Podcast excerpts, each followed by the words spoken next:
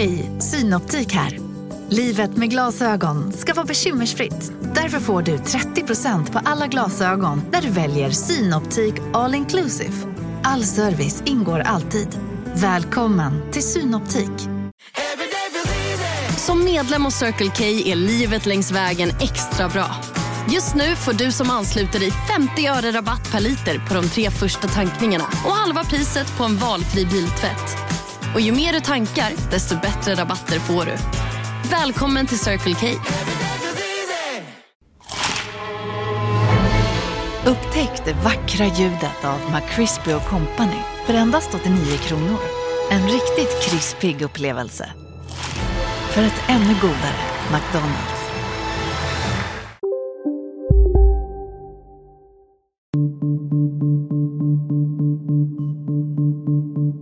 Krig började inte med islam. Krig fanns långt innan och kommer finnas för alltid troligtvis. Eh, det islam gör är att försöka begränsa det och göra det mer etiskt. Jag anser att varje bokstav i Koranen är sann.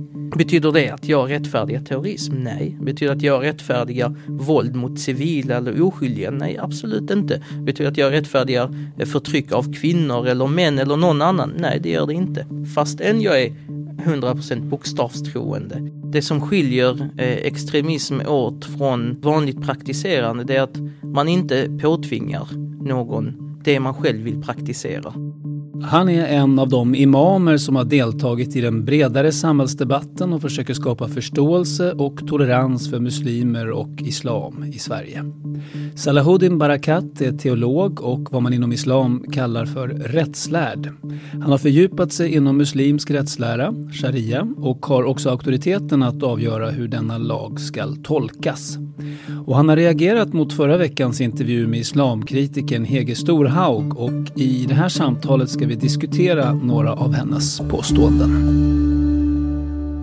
Salahuddin Barakat, välkommen till fredagsintervjun. Tack så mycket. Om vi börjar på ett övergripande plan. Vad är det som gör att du tycker att Hege Storhaugs påståenden som helhet är problematiska? Alltså jag ser flera och hör flera problematiska tankegångar i hennes argument. Sådant som nästan konspirationsteori det talas om demografi, det talas om det här gradvisa övertagandet. Man eh, likställer eh, praktiserande med fundamentalism. Eh, man särskiljer inte på någon som har, vad ska man säga, en förtryckande politisk ideologi med någon som är väldigt from och eh, religiös. Eh, man ser exempelvis all slags offentlig manifestation av religion som ett tecken på extremism eller ett tecken på politiskt eh, eh, politisk ideologi och vilja. Så de här tankegångarna är, är tyvärr väldigt eh, kännetecknande. Sen använder hon sig av specifika argument som att dela upp muslimer i Mecka och Medina muslimer som också är väldigt förekommande som har spridits av eh, vad ska man säga, extremhögern eh, eller antimuslimska grupper i USA väldigt mycket. Så att eh, jag känner igen argumenten, eh, argumenten, jag känner igen tankegångarna och det, det, låter allt annat än, eh, vad ska man säga, en nyanserad eller en, en, en vetenskaplig religionskritik skulle jag säga. Vi ska återkomma till det där med Mecka och Medina för det är ju intressant att höra din syn på det. Mm. Eh, vi kan väl dela upp det lite så att det blir lite lättare att följa. Vi kan börja med en av hennes huvudpoänger då eh, och som jag uppfattar också kanske hennes drivkraft in i det här. Hon menar att den form av islam som praktiseras i moskéer i Skandinavien hotar kvinnors frihet. I synnerhet muslimska kvinnors men även kvinnor i allmänhet. Vi kan lyssna på hur hon uttrycker det. Min självpålagda jobb, nämligen att jobba för friheten i Norge och Europa, det är ju inte minst med tanke på att eh, muslimska jenter och kvinnor ska ha den samma friheten som jag fick som barn och ung och vuxen. Ja, eh, hon tycker att alla kvinnor ska ha samma typ av frihet som hon själv eh, har haft och har. Mm. Eh, vilken är din reflektion kring, kring hur ordet frihet uppfattas och också vad hon säger om det? Ja, alltså det, man, man läser in i den ett antagande om att muslimska kvinnor skulle vara mindre fria på grund av islam. Och det är där jag ser ganska problematiskt för att och, och, det ser man också i resten av hennes argumentation, att hon likställer väldigt mycket eh, vad ska man säga, tradition och kultur med religion. Och jag vet att det inte alltid är lätt att särskilja på dessa såklart. Och det, det är ofta en, en blandning men eh, det görs en väldigt svart och vit utmålning av saker och ting. Eh, som, som ja, i princip sätter islam som den stora eller den enda boven i princip. Mm. Eh, det hon säger är att muslimska kvinnor och flickor då som jag sa bör ha samma grad av frihet som hon själv haft. Finns det en konflikt tror du mellan din och många andra troende muslimers definition av vad frihet innebär och den som kanske finns i de skandinaviska majoritetssamhällena? Till viss del, absolut. Eh, jag tror att jag, jag, tror att många är, måste förstå att många väljer fritt att begränsa sig i, vissa, i viss mån. Det gör alla, både muslimer, icke-muslimer, sekulära. Alla har ju eh, på något sätt friheten att välja hur de vill agera. Eh, och jag tror att där finns det en viss oförståelse bland de icke-religiösa för en del av den begränsning som religiösa åtar sig. Man ser den inte som rationell eller som vetenskapligt grundad och därför ser man den som eh, ja, ont helt enkelt. Eh, dock så eh, skulle jag inte säga att den som gör det är mindre fri.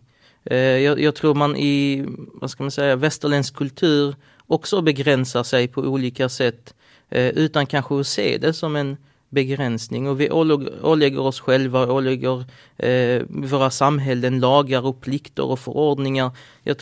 Kan du ge exempel? Det vore spännande. Någonting eh, som vi kanske är blinda för då som inte är religiösa precis, eh, hur vi begränsar oss? Ja, absolut. Alltså, jag, jag skulle säga, skulle ta en amerikansk liberal politiker och kolla på Sverige så skulle han säga att Sverige är ett kommunistiskt land. För att staten är, är jättestark och går in och blandar sig i princip med allt som eh, medborgaren, medborgaren gör på minsta nivå. Så att eh, vi, vi, har väldigt mycket lagar och förordningar och begränsningar i Sverige som man inte tänker på. Bara det här med att vi har eh, jättehöga skatter, det ser många som en begränsning. Så att jag tror andra exempel som man kan, man kan kolla på. Jag menar, i, I många relationer, det här pratas det inte så mycket om, men i många relationer så har du eh, det här sexuella exempelvis. Och där vissa åtar sig att ha en dominant position och en, den andra en underställd eh, position och liknande. Och i just det sammanhanget har man en, en, en tydlig ordning. Eh, och jag tror att det, det ser man inte som lika problematiskt. Snarare men, kanske nästan en manifestation av att leva ut någonting fritt då? Precis, mm. och, det, och, det, är så vi religiösa kanske ser vårt eh, sätt att leva ut vår religion. Att eh, åta oss de här förpliktelserna som vi anser komma från Gud är ett sätt för oss att eh, finna frihet. Jag brukar säga att det, det finns ett eh, bra exempel om det här med labyrintfriheten. Vi befinner oss i en labyrint och varje eh, val vi ställs inför i livet eh, så ställs vi inför de här tre dörrarna. Två av dem är fällor och en är den rätta, den här vägen ut ur labyrinten. Och då säger vi, ja men vi alla har fritt att välja vilken dörr vi vill. Men vi som religiösa ser exempelvis vår skrift som en karta över den här labyrinten som säger ta den högra dörren, där faller du inte i den fällan. Och det för oss ger oss en större frihet. En frihet från att hamna i de här fällorna så som vi ser det. Så är all frihet gynnsamt alltid. Det tror jag få skulle säga är fallet. Utan det finns lycka eh, att uppnå i att också begränsa människors handlingsutrymme. Det hänger ju lite grann på att man kan ändra sig också, eh, tänker jag i alla fall, att det mm. har med frihet att göra. Mm. Och en fråga som hon berör och som berörs av andra också, det är det här med eh, att skilja sig. Eh, mm. Om vi nu pratar om kvinnors frihet specifikt, att mm. en muslimsk kvinna uppfattas i alla fall inte ha samma frihet att skilja sig från sin man som andra kvinnor i Sverige har mm. och inte heller som muslimska män har att skilja sig från kvinnor. Hur är det med det där och hur ser du på den? Alltså, så, eh, kan, den frågan och frågor som, som generellt berör rättslära måste ses i sin kontext. Måste beaktas med alla andra regler som finns runt omkring. Exempelvis så eh, åligger det mannen vissa ekonomiska förpliktelser i, vid tillfället av en skilsmässa som också måste beaktas i den ekvationen och det är det man har beaktat traditionellt sett i klassisk muslimsk rättslära. Och eh, eh dock vad vi vet utifrån muslimsk rättslära är att en kvinna den enda skillnaden är det uttalade skilsmässan. Går man via domstol, så som man gör exempel, eller myndighet, så som man gör i Sverige vid alla skilsmässofall, så är skillnaden väldigt liten, om någon överhuvudtaget. Men är, betraktas man som skild eh, också i den religiösa gemenskapen? Eh, om, man bara, om en kvinna bestämmer sig, jag vill inte leva med den här mannen längre, hon söker skilsmässa eh, via myndigheterna. Mm. Men mannen kanske egentligen inte är med på det. Eh, hur uppfattas det då i en religiös kontext? Det finns olika åsikter om det. Det finns olika tolkningar. Vissa ser att den eh, myndighetsförklarandet eh, är tillräckligt. Och det ser man för att eh, de här reglerna är gjorda för en kontext där det finns en myndighet. Och då säger de här lärda teologerna att men eh, vi har ingen sån här muslimsk myndighet i dessa länder. Då måste det finnas någon annan myndighet som kan utöva det här. I annat fall så kommer reglerna bli orättvisa mot kvinnan. Och vilken myndighet syftar du på då? Är det de vanliga myndigheterna? De vanliga myndigheterna, ja domstolarna. Men då är det ju väldigt viktigt att eh, muslimer i allmänhet i Sverige, då om vi tar Sverige som exempel, känner att de myndigheterna är legitima och att man uppfattar dem som eh, rättvisa och så vidare. Absolut, och där finns det delade åsikter om såklart. Eh, och det finns tolkningar som säger nej, de här Eh, domstolarna är inte eh, religiöst legitima. Eh, de är lagligt självklart gällande men inte religiösa. Och där, där är det också viktigt att kunna särskilja på det religiösa och det lagliga. Men vad händer då om, om man säger så att mm. de här domstolarna är inte religiöst legitima. Vi mm. inser mm. att det här är, liksom, det är lagen här mm. men det är inte religiöst legitimt. Vad händer då med till exempel en sån skilsmässa då eh, i så fall? Då skulle kvinnan vara religiöst sett inte skild mm. och inte kunna gifta om sig religiöst sett. Och det försöker man lösa. Jag tror det, det är här det är viktigt att förstå att muslimer, inte, det är inte så att muslimer, varken män eller kvinnor, är, ja men så här vill vi ha det. Vi vill att det ska vara orättvist, vi vill att det ska vara svårt för en kvinna att skilja sig. Det är inte den. Utan tvärtom försöker man ständigt hitta lösningar. En lösning som nu sker, som också används i det judiska, det är att man hämtar, i, det judiska, för man har samma regler där. I det judiska så hämtar man rabbiner som, är, som har någon slags officiell eh, utövande, religiöst myndighetsutövande kan man säga, som utfärdar dessa skilsmässor. Och man försöker göra likadant. Man har gjort likadant i, i England, i USA och så här. Att man har imamer och religiösa råd som utfärdar dessa skilsmässor för att underlätta. För och som då kvinnor. samarbetar med myndigheterna kan man säga och blir en form av ett, ett supplement. Eh, jag, ja. vet, jag, vet, inte om där alltid sker ett officiellt samarbete, det tror jag inte. Eh, men det är ett supplement i alla mm. fall. Eh, jag tror att det här skiljer det sig också lite grann i tradition. I den muslimska världen så har vi haft en väldigt utbredd tradition av eh, parallella eh, lagsystem om man säger så, gällande exempelvis skilsmässor, äktenskap och liknande. Eh, vi har haft judiska domstolar, kristna domstolar, säga, minoriteterna har haft ganska eh, utbrett självstyre i de här frågorna och eh, har kunnat styra över sådant själv. Det är den tradition vi ofta kommer ifrån och den, det är den tradition den muslimska rättsläran kommer ifrån. Och mm. när den kommer till en kontext där man inte har den här öppenheten som jag skulle se det som så, så, så får man hitta andra lösningar helt enkelt. Eh, en annan, eh, ett annat exempel på en frihetsinskränkning för kvinnor som eh, då Hege Storhaug talar mycket om det är den ökande användningen av slöjan. Hur mm. ser du på den utvecklingen? Det, det, jag, jag har väldigt svårt att förstå det argumentet ska jag vara ärlig och säga. Det, det utgår på, från premissen om att man ser slöjanvändandet som ett, något som är påtvingat. Och eh, visst kan det vara så i vissa fall, det förnekar jag inte. Precis som klädkoder finns i alla samhällen. Eh, jag menar, eh, hur lätt är det för en ung tjej att gå topless i, i Sverige? Eh, särskilt i vissa områden, vissa platser. Medan en, en, man kan göra det mycket lättare. Åka rullskridskor på stan eller på cykeln topless kan en man göra men inte en kvinna lika lätt. Så jag menar de här skilje, skilje att man skiljer män och kvinnor åt i klädkoder och så vidare skulle jag säga väldigt mänskligt och väldigt utbrett. Eh, sen om man tycker att det finns fog för det eller inte, det är en annan sak och det är väldigt kulturellt och subjektivt att säga. Jag tror dock det här med slöja, min erfarenhet är att eh, väldigt, väldigt få eh, påtvingas mm. slöja i Sverige eller Europa överlag eller i världen överlag. Eh, det är väldigt få länder som har det som lagstiftning.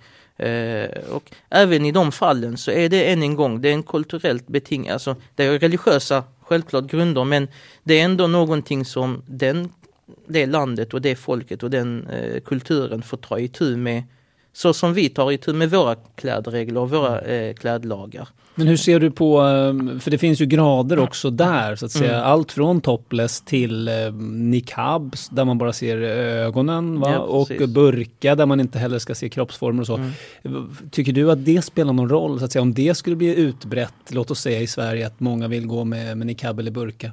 Är det samma sak där egentligen? För dig? Så länge ingen påtvingas det så skulle jag inte se det som ett problem.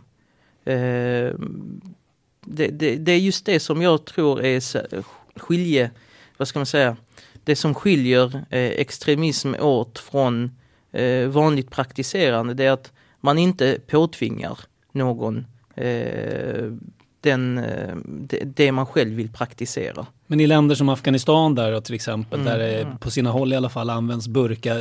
Hur vanligt tror du att det är där att man gör av fri vilja och hur, och hur vanligt tror du det är att det just är en form av tvång i det hela? Det är jättesvårt att säga. Det är jättesvårt för att som sagt dessa, eh, alltså vad man anser vara nakenhet, hur man definierar nakenhet och vad som är blygsamt eller anständigt skiljer sig så pass mycket från plats till plats. Eh, så att det är svårt att säga vad, hur mycket är självvalt och hur, mycket är det inte? Det verkar vara ett väldigt obekvämt plagg, eh, vad jag förstår. En burka, ja. alltså varmt och mörkt, också ibland svårt ja, att se ut igenom också. Ja precis. Jag, jag tror att eh, hur man känner fördelar och nackdelar med det så kan det nog finnas eh, delade åsikter om. Jag tror att eh, det kan man göra med vilka klädes, klädesplagg som helst egentligen. Eh, att täcka sig, för en nudist, att täcka sig överhuvudtaget är obekvämt. Mm. Eh, men de är ändå tvungna att göra det. Och vi påtvingar dem de reglerna i stort mm. i samhället. Så att eh, det, det som skiljer åt är ju mer var vi sätter gränserna för hur mycket som måste täckas.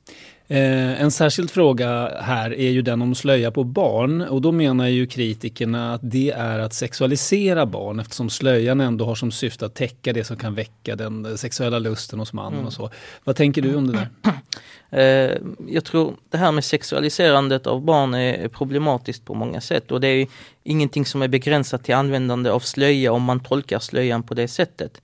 Jag menar hela eh, sminkindustrin och klädesindustrin och bikinis på små flickor och liknande är minst lika sexualiserande eh, av, av barn. Och, och men Eh, det har mycket vad man sätter själv in för värderingar i slöjan om varför den bärs och liknande. Eh, jag tror, för det första är inte barn, det är inte obligatoriskt. De ska varken tvingas och det är inte obligatoriskt för barn att bära slöja. Många gör det för att eh, det är så föräldrarna gör. För att man vill uppmuntra, lära upp sina barn så som man själv har lärt sig för vad som är anständig klädsel och vad som inte är det.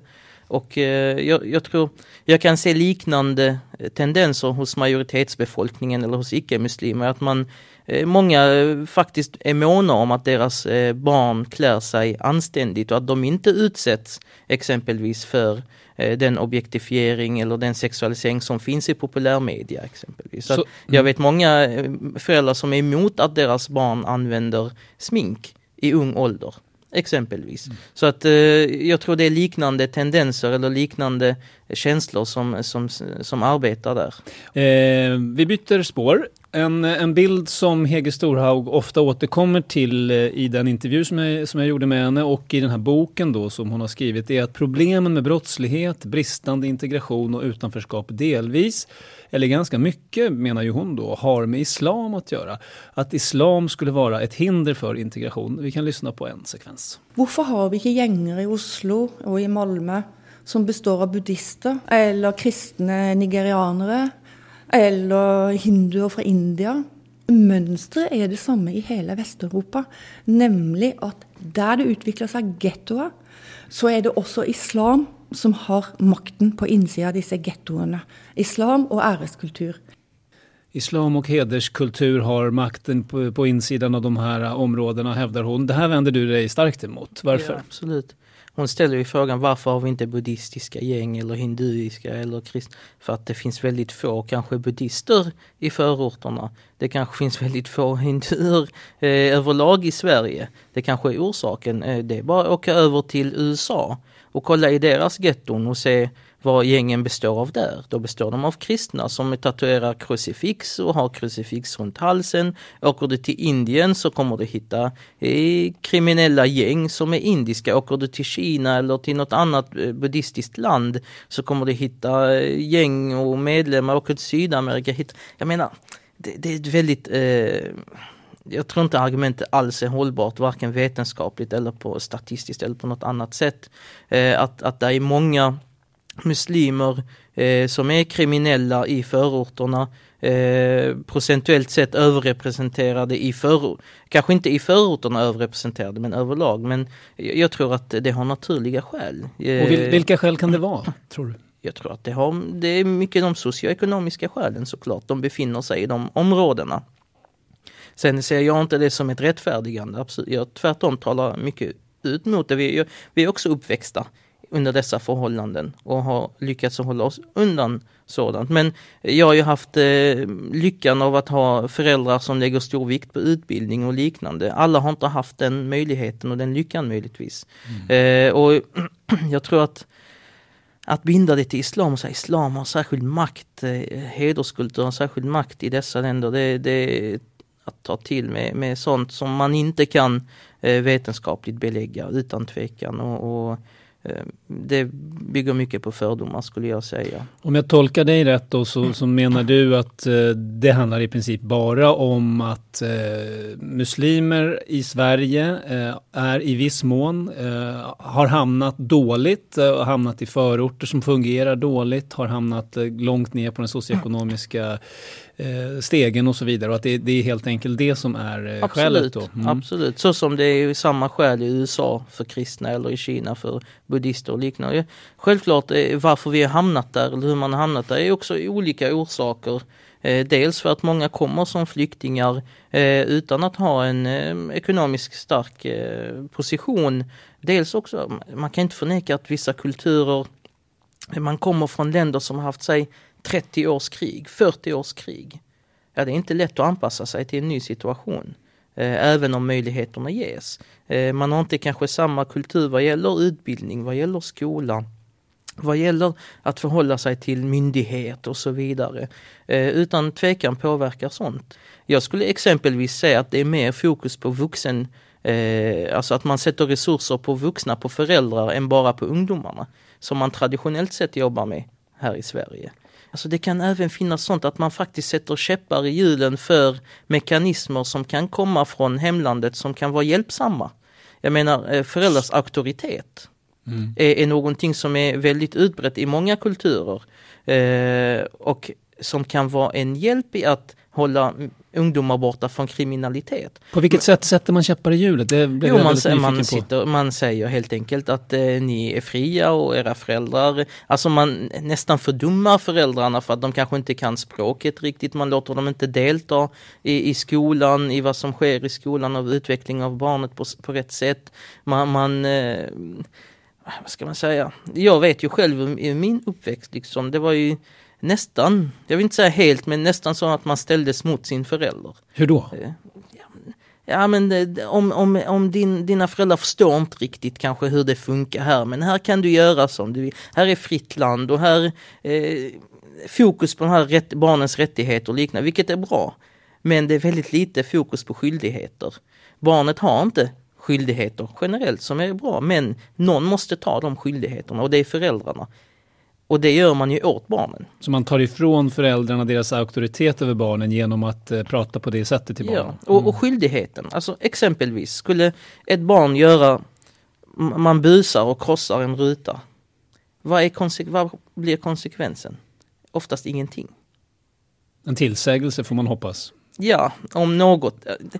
Det, det skulle inte jag säga tillräckligt. Va, utan vad, vad krävs då menar du? Ersättning exempelvis. Mm, Skadestånd och men liknande. Det, men det har man väl? Alltså, ja, om det väldigt följ... sällan. Inte under min uppväxt i alla fall så Nej, fanns okay. inte det. Även om man visste vem det var så att säga? Även om man visste vem det var.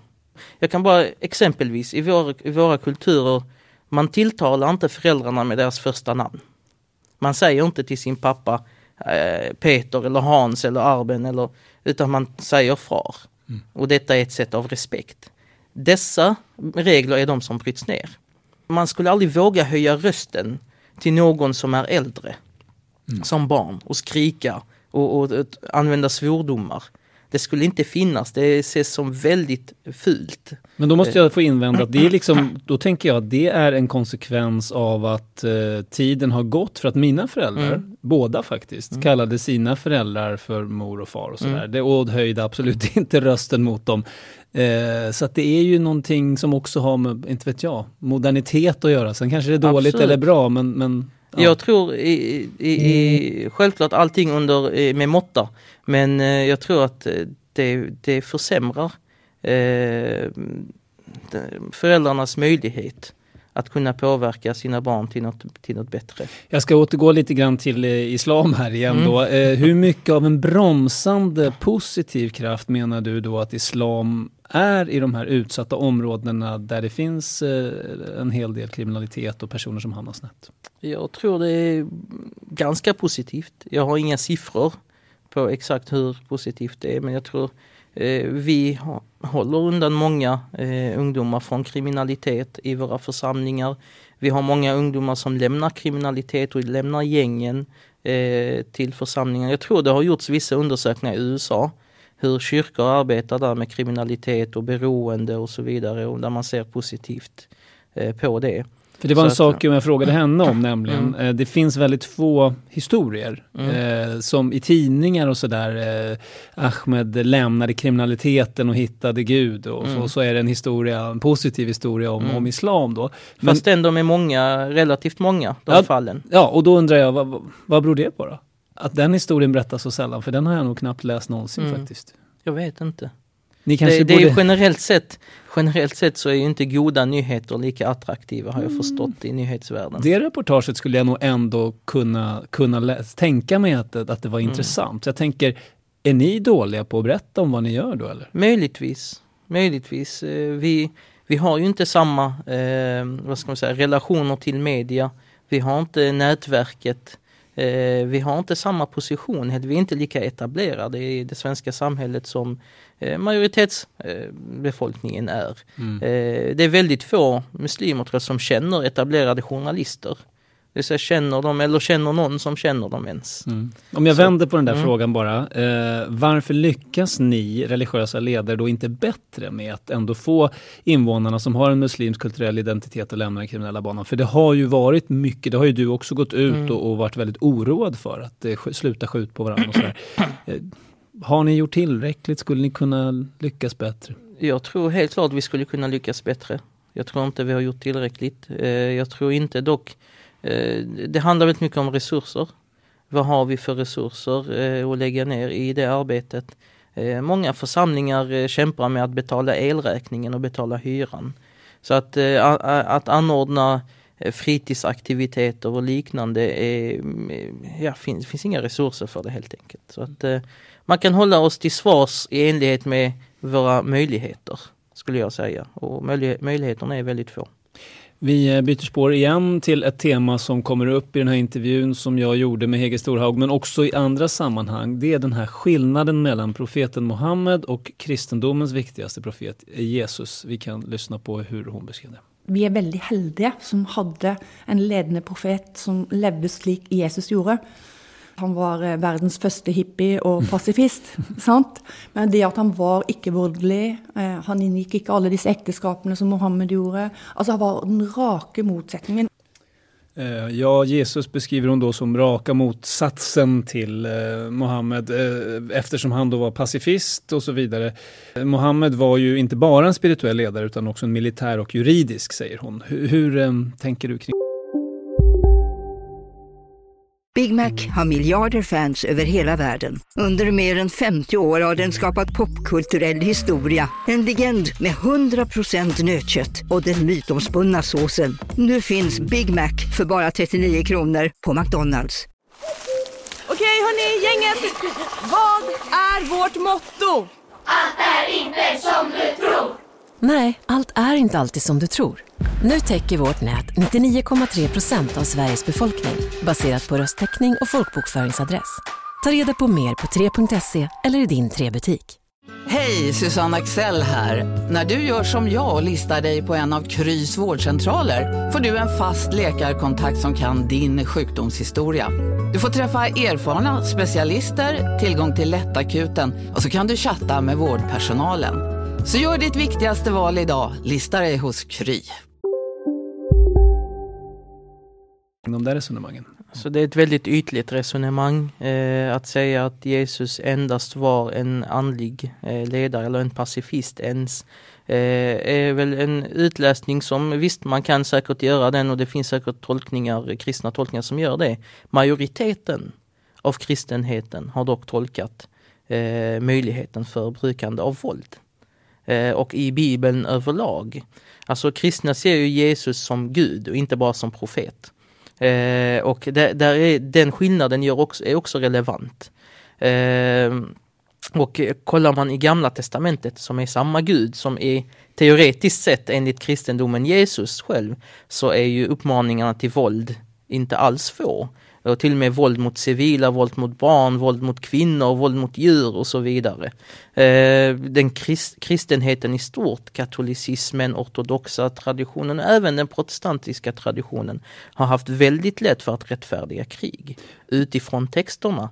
Så att eh, vi har haft eh, Alltså den lutherska utvecklingen kom ju med enorma krig i Europa. Vi har haft mycket krig på grund av Vi har haft i Nordirland nu det senaste eh, mellan eh, katoliker och protestanter. Och, och, allt var i korståg och, och rätt, rättfärdigt krig och så vidare. Det är en hel, en hel vetenskap. Så att jag tror den, att göra den distinktionen är först och främst att eh, se väldigt ytligt på religioner överlag och hur de kan förhålla sig till texter och till religionsgrundarna. Eh, och eh, den här skillnaden mellan Jesus och Muhammed att den skulle vara problematisk. Jag ser tvärtom, exempelvis. Muhammed var, eh, frid var över honom, var en, en eh, politisk ledare också, var en eh, militär ledare också. Har gett oss vägledning i hur vi ska förhålla oss i sådant som krig, i sådant som våldsanvändande. Det är någonting som tvärtom är för min del är mer fullkomligt. Jag menar, att, att förneka att våld är en del av mänsklig natur och historia vore bara tramsigt. Eh, de flesta människorna eh, kan rättfärdiga användandet av våld vid något tillfälle. Antingen i självförsvar eller annat. Om du skulle fråga den gemene människa idag var det fel av de allierade att bomba nazisterna? skulle de säga nej, det var inte fel. Det var rätt. För att vi förhindrar en större, något större ont. Vi förhindrar förintelsen och utbredandet av nazismen. Men då, menar, då, menar du då att eh, våld har alltid funnits. Eh, I och med Mohammed i det här fallet fanns det åtminstone någon form av anständighetsregler för de situationer där man måste bruka våld. Precis, är det så du menar? Precis. Mm. Eh, men det, det, går inte att komma ifrån att det är ytligt visserligen, mm. men mm. de är ju väldigt olika som förebilder. Eh, utan att jag kan jättemycket om mm. varken Jesus eller Mohammed ska jag säga, mm. men, men den, ytligt sett i alla fall så är Jesus väldigt, eh, han är inte gift och han har liksom nästan lever ju i princip i celibat eller mer eller mindre. Mohammed har många fruar. Mm. Alltså det är en väldigt stor skillnad på de där sakerna. Spelar det ingen roll, tänker du? Liten. Jag skulle säga, man måste skilja på hur de levde också, kontexten de befann sig i. Eh, Jesus mission var ett fåtal år. Eh, enligt vad ska man säga, gemene tradition så blev han, vad blev han, 30 någonting max. Eh, att jämföra det med eh, profeten Muhammed som blev över 60 år, 63 år gammal och som levde ett liv. Eh, man skulle hellre kunna jämföra profeten Muhammed med Guds frid med Moses exempelvis. Eller med David eller Salomon eller någon annan av de tidigare profeterna. Eh, men jag tror fortfarande i andemeningen så är de väldigt lika. Jag menar profeten exempelvis när han kom in Eh, i Mecka efter att ha muslimerna hade blivit eh, förtryckta och fördrivna och så vidare. Så var det många som ropade på hämnd. Eh, och många som sa detta är dagen, detta är dagen av slakt. Och då säger profeten rättandes till dem, säger, nej, detta är inte dagen av slakt, detta är dagen av barmhärtighet. Detta är dagen av, dagen av förlåtande. Så att jag menar budskapet av förlåtelse och av barmhärtighet är jättetydligt i profeten Muhammeds liv. Och att förlåta i en tid av makt, skulle jag säga, är större än att förlåta i en tid av svaghet. Mm. Eh, ofta beskrivs ju islam av sina kritiker dock som en krigisk och våldsam religion som emellanåt rent av hyllar våld och är snarare än att ta avstånd ifrån det. Bland annat då i samband begrepp som, begrepp som eh, jihad och mm. martyrskap. Så, hur, hur ser du på det där? Absolut. Eh, vi, våld, islam är inte en pacifistisk religion utan tvekan. Vi ser likt eh, de flesta andra religioner att våld är ibland det enda nödvändiga eh, och används i nödvändighet och eh, ska ständigt eh, måste begränsas så mycket som möjligt och användas på ett etiskt sätt. Eh, jag menar de flesta nationer idag har arméer och militär och försvarsmakter och liknande. Eh, att inte reglera det, att inte göra det mer etiskt, att inte försöka begränsa någonting som mänskligt. Krig började inte med islam krig fanns långt innan och kommer finnas för alltid troligtvis. Mm. Eh, det islam gör är att försöka begränsa det och göra det mer etiskt. Och, säg, och, och, och försöka lära människor att inte missbruka det utan endast använda det i nöd. Diskussionen eh, har ju ofta kommit upp i samband med frågor då kring radikalisering och terror. Eh, skulle det gå lika lätt tror du att använda uttalanden från Jesus och hans retorik i Nya Testamentet till exempel för att få människor att till exempel begå eh, terrorhandlingar som det då i vissa fall tycks vara att använda delar av islams texter för att hjärntvätta människor till att begå terrorhandlingar? Absolut, det tror jag. Och det ser vi att det har använts. Eh, vi har ju terrorgrupper som är kristna och extremister och fundament, allting som är kristna och de använder texterna väldigt mycket. Då anspelar man ju mycket på apokalypsen och det som ska komma och kollar man där på de skrifterna i Nya Testamentet som handlar om det så, så kan man väldigt lätt rättfärdiga krig. Eh, och även profetiorna om Messias och Messias roll som, man, som i den kristna traditionen tolkas som det andra kommandet av Jesus. Där kommer våld vara en del av eh, ekvationen och krig och, och, människor kommer, nationerna kommer söndras och krigas mot och så vidare. Jag tror att man kan använda de passagerna väldigt lätt för att rättfärdiga krig och det har gjorts. För inte så länge sedan läste jag om en eh, kardinal, jag tror det var en katolsk eh, biskop eller kardinal som exempelvis utmanar eh, muslimerna eh, tillsammans med homosexuella och eh, vad var det mer, någon till grupp som, som var den här eh, odjuret, apokalypsens odjur, det vill sista tidens odjur. Alltså det är väldigt lätt att definiera människor till eh, att ha vissa roller som, eh, som man sen rättfärdigar krig mot eller våld mot. För två år sedan kom den eh, syrisk-libanesiske poeten Adonis ut med boken Våld och islam, heter den på mm. svenska. Jag tänkte bara citera ett litet stycke ur en recension av mm. den boken. Eh, så här låter det då. Islams grundläggande problem är att den kom i en fulländad form. De sanningar som traderas är absoluta och individen kan inte lägga till eller dra ifrån något. Sanningen finns inte i världen, den finns i texten. Därför är islam fjättrad vid det förflutna. Hela identiteten ligger i upprepningen. Och det gör islam till en svartvit religion. Det goda är det som enligt islam är tillåtet för muslimen och det onda är det som är förbjudet utan hänsyn till vad som är tillåtet eller förbjudet hos andra folk. Och det här har legitimerat islamisterna att överta erövringarnas logik och syftet är att islamisera hela mänskligheten, hävdar eh, Adonis. Mm. Eh, ja, vi, vi gjorde faktiskt eh, en podcast på tre avsnitt där vi behandlar mycket av hans eh, argument. Då. Ge mig liksom sammanfattningen. Ja. jag skulle säga att det är en väldigt eh, också överförenklad och ytlig eh, tolkning av vad islam säger. Islam. Att islam skulle vara svart och vitt eh, motbevisas av historia och av teologi, teologi. Jag menar att vi inte skulle beakta vad andra tycker är rätt och fel. Hur, hur funkar det i de klassiska, okej? Okay? I den klassiska världen där toleransnivån för det oliktänkande var väldigt liten, där man i Europa inte fick vara annat än kristen i stort.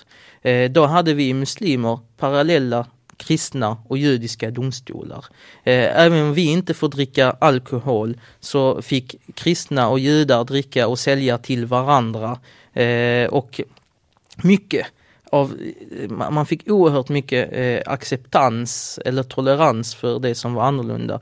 Vi har miljontals kristna kvar i den muslimska världen och deras kyrkor står kvar och till och med efter en sån eh, ska säga, modern konflikt som Israel och Palestina konflikten så har du synagogor i exempelvis Libanon som har varit en av de heta punkterna i, i, i slagkampen så har synagogor stått kvar. De används inte längre för att man har flytt eh, för sin, man känner, att man känner säkerhet och liknande. Men de står kvar orörda. Inte sönderbombade, inte eh, förstörda och så vidare. Jag menar vi har hur mycket som helst i den muslimska, eh, både teologin och traditionen som motbevisar att vi skulle ha någon svart och vit syn på saker och ting. Samma sak förhållande till andra. Jag menar om du läser Koranen kommer du se att det finns bra muslimer, sämre muslimer. Bra kristna, sämre kristna. Bra judar, sämre kristna judar. Alltså det här att alla judar skulle vara dåliga, alla kristna skulle vara dåliga och alla muslimer skulle vara bra. Det finns inte. Ett eh, vanligt påstående som ofta återkommer är att islam aldrig har genomgått en humaniserande reformation. Ehm, ja, har den det tycker du? Borde den göra det? Nej, det, det, har den inte och borde inte. Den är human i sig själv skulle jag säga. Eh, jag, jag, ser ingen, och det, det här handlar om ett större problem i att man projicerar eh, den europeiska eller kristna eh, erfarenheten på andra religioner och andra traditioner.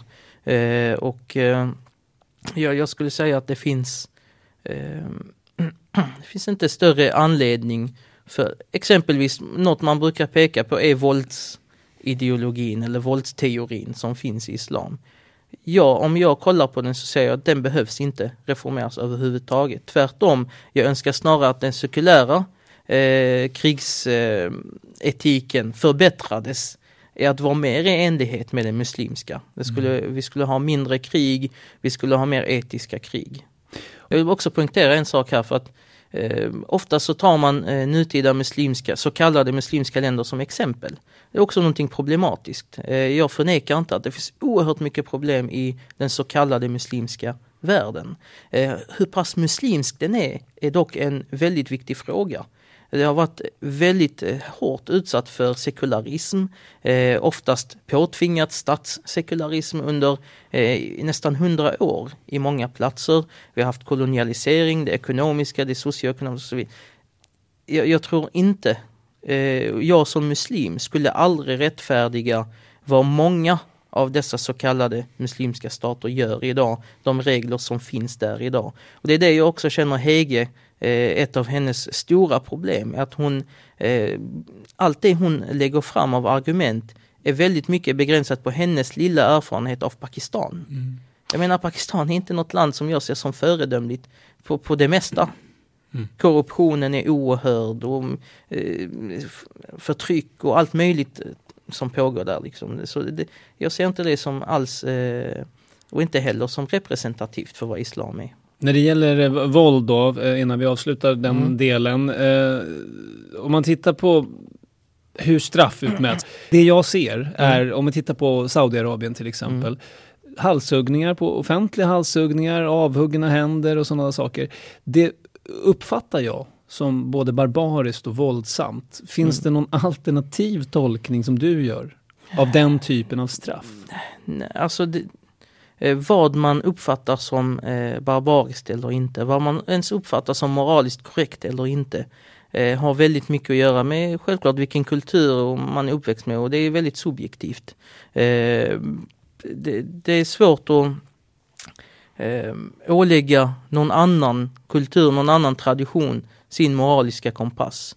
Och det finns inget vetenskapligt som säger att den ena moralen är bättre eller sämre än den andra. Mänskliga rättigheter är inte vetenskap men det är ändå något som de flesta så att säga har uh, Absolut, men, och det här står väl ändå i strid med den, den moderna uppfattningen av mänskliga rättigheter skulle jag säga. Men många skulle diskutera om att dödsstraff överhuvudtaget är problematiskt. Absolut. Medan man har det i USA exempelvis och andra länder. Jag menar eh, om vad man anser vara, är dödsstraffet moraliskt eller inte? Det, det, är, en, det är en diskussionsfråga. Jag, jag menar, skulle död, att döda överhuvudtaget vara moraliskt eller inte? Ja men varför har vi arméer? Varför har vi militär? Ja men för att vi är tvungna att döda, krassligt sett, mm. krassligt talat, mm. så är man tvungen att döda ibland som stat, som myndighet och så vidare. Det kan vara i krigssituation, det kan vara i, i, i annat, i, när man rättfärdigar. Men, man kommer direkt till en diskussion om moral. Vad är moraliskt, vad är inte? Vad är mm. barbariskt, vad är inte? Det är, sånt är subjektivt skulle jag säga. Vi går vidare till den här diskussionen om, om, fundamentalism då. För en fråga som svävar över eh, det som Hege Storhaug för fram, men kanske också över synen på islam i väst i, överhuvudtaget, det är ju den om fundamentalismen. Hur utbredd är den? Hur bokstavstroende är man faktiskt. Och hon redogör för en undersökning från Socialforskningsinstitutet i Berlin då, som hade tittat på värderingar hos muslimska och kristna europeer. Och enligt den rapporten skulle 4% av de kristna vara fundamentalister och 44 av muslimerna. Mm. Eh, ja, vad tror du om det? Alltså nu har jag inte läst rapporten så jag vet inte på vilka grunder de bedömer någonting. Så som jag förstod från henne när mm. hon berättar varför så var det hur man förhåller sig till texten. Just det. Och självklart som muslim förhåller man sig till texten till att vara eh, ofelbar och till att vara fullkomlig och eh, från Gud.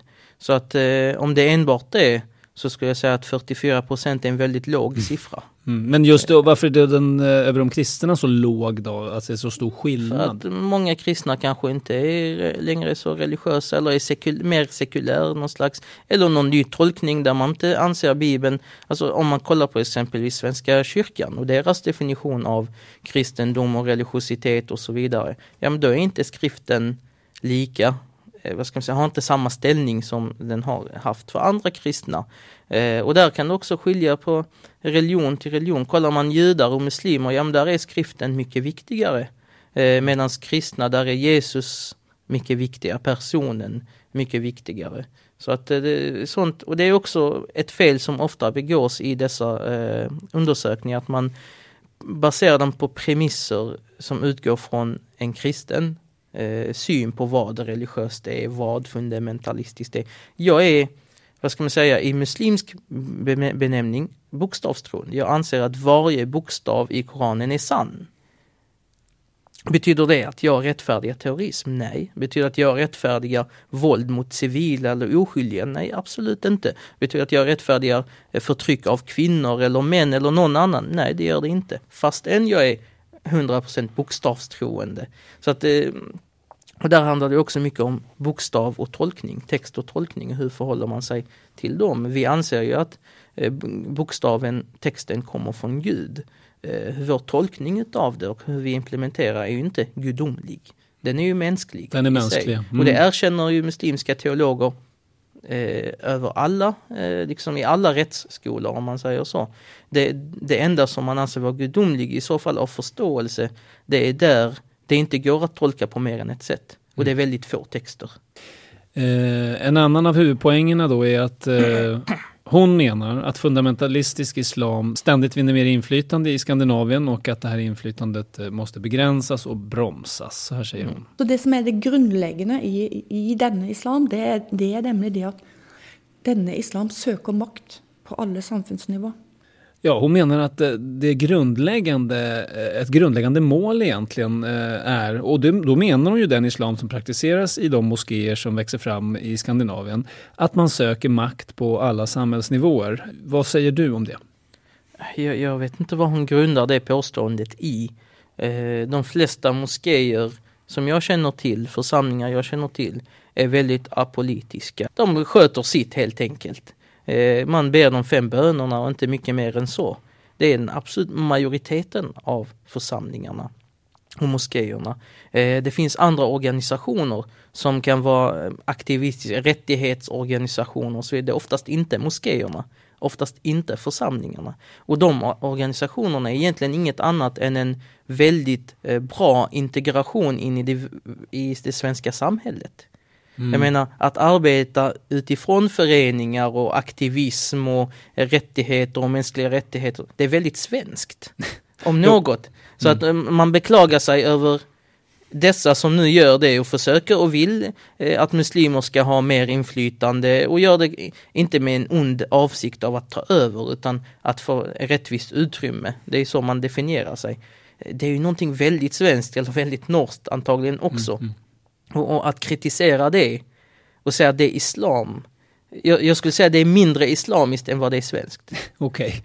Okay. Um, ehm, det har ju varit uh, flera fall i alla fall av personer som har beskrivits som fundamentalistiska muslimer som har sökt sig till de politiska partierna för att delta i politiken.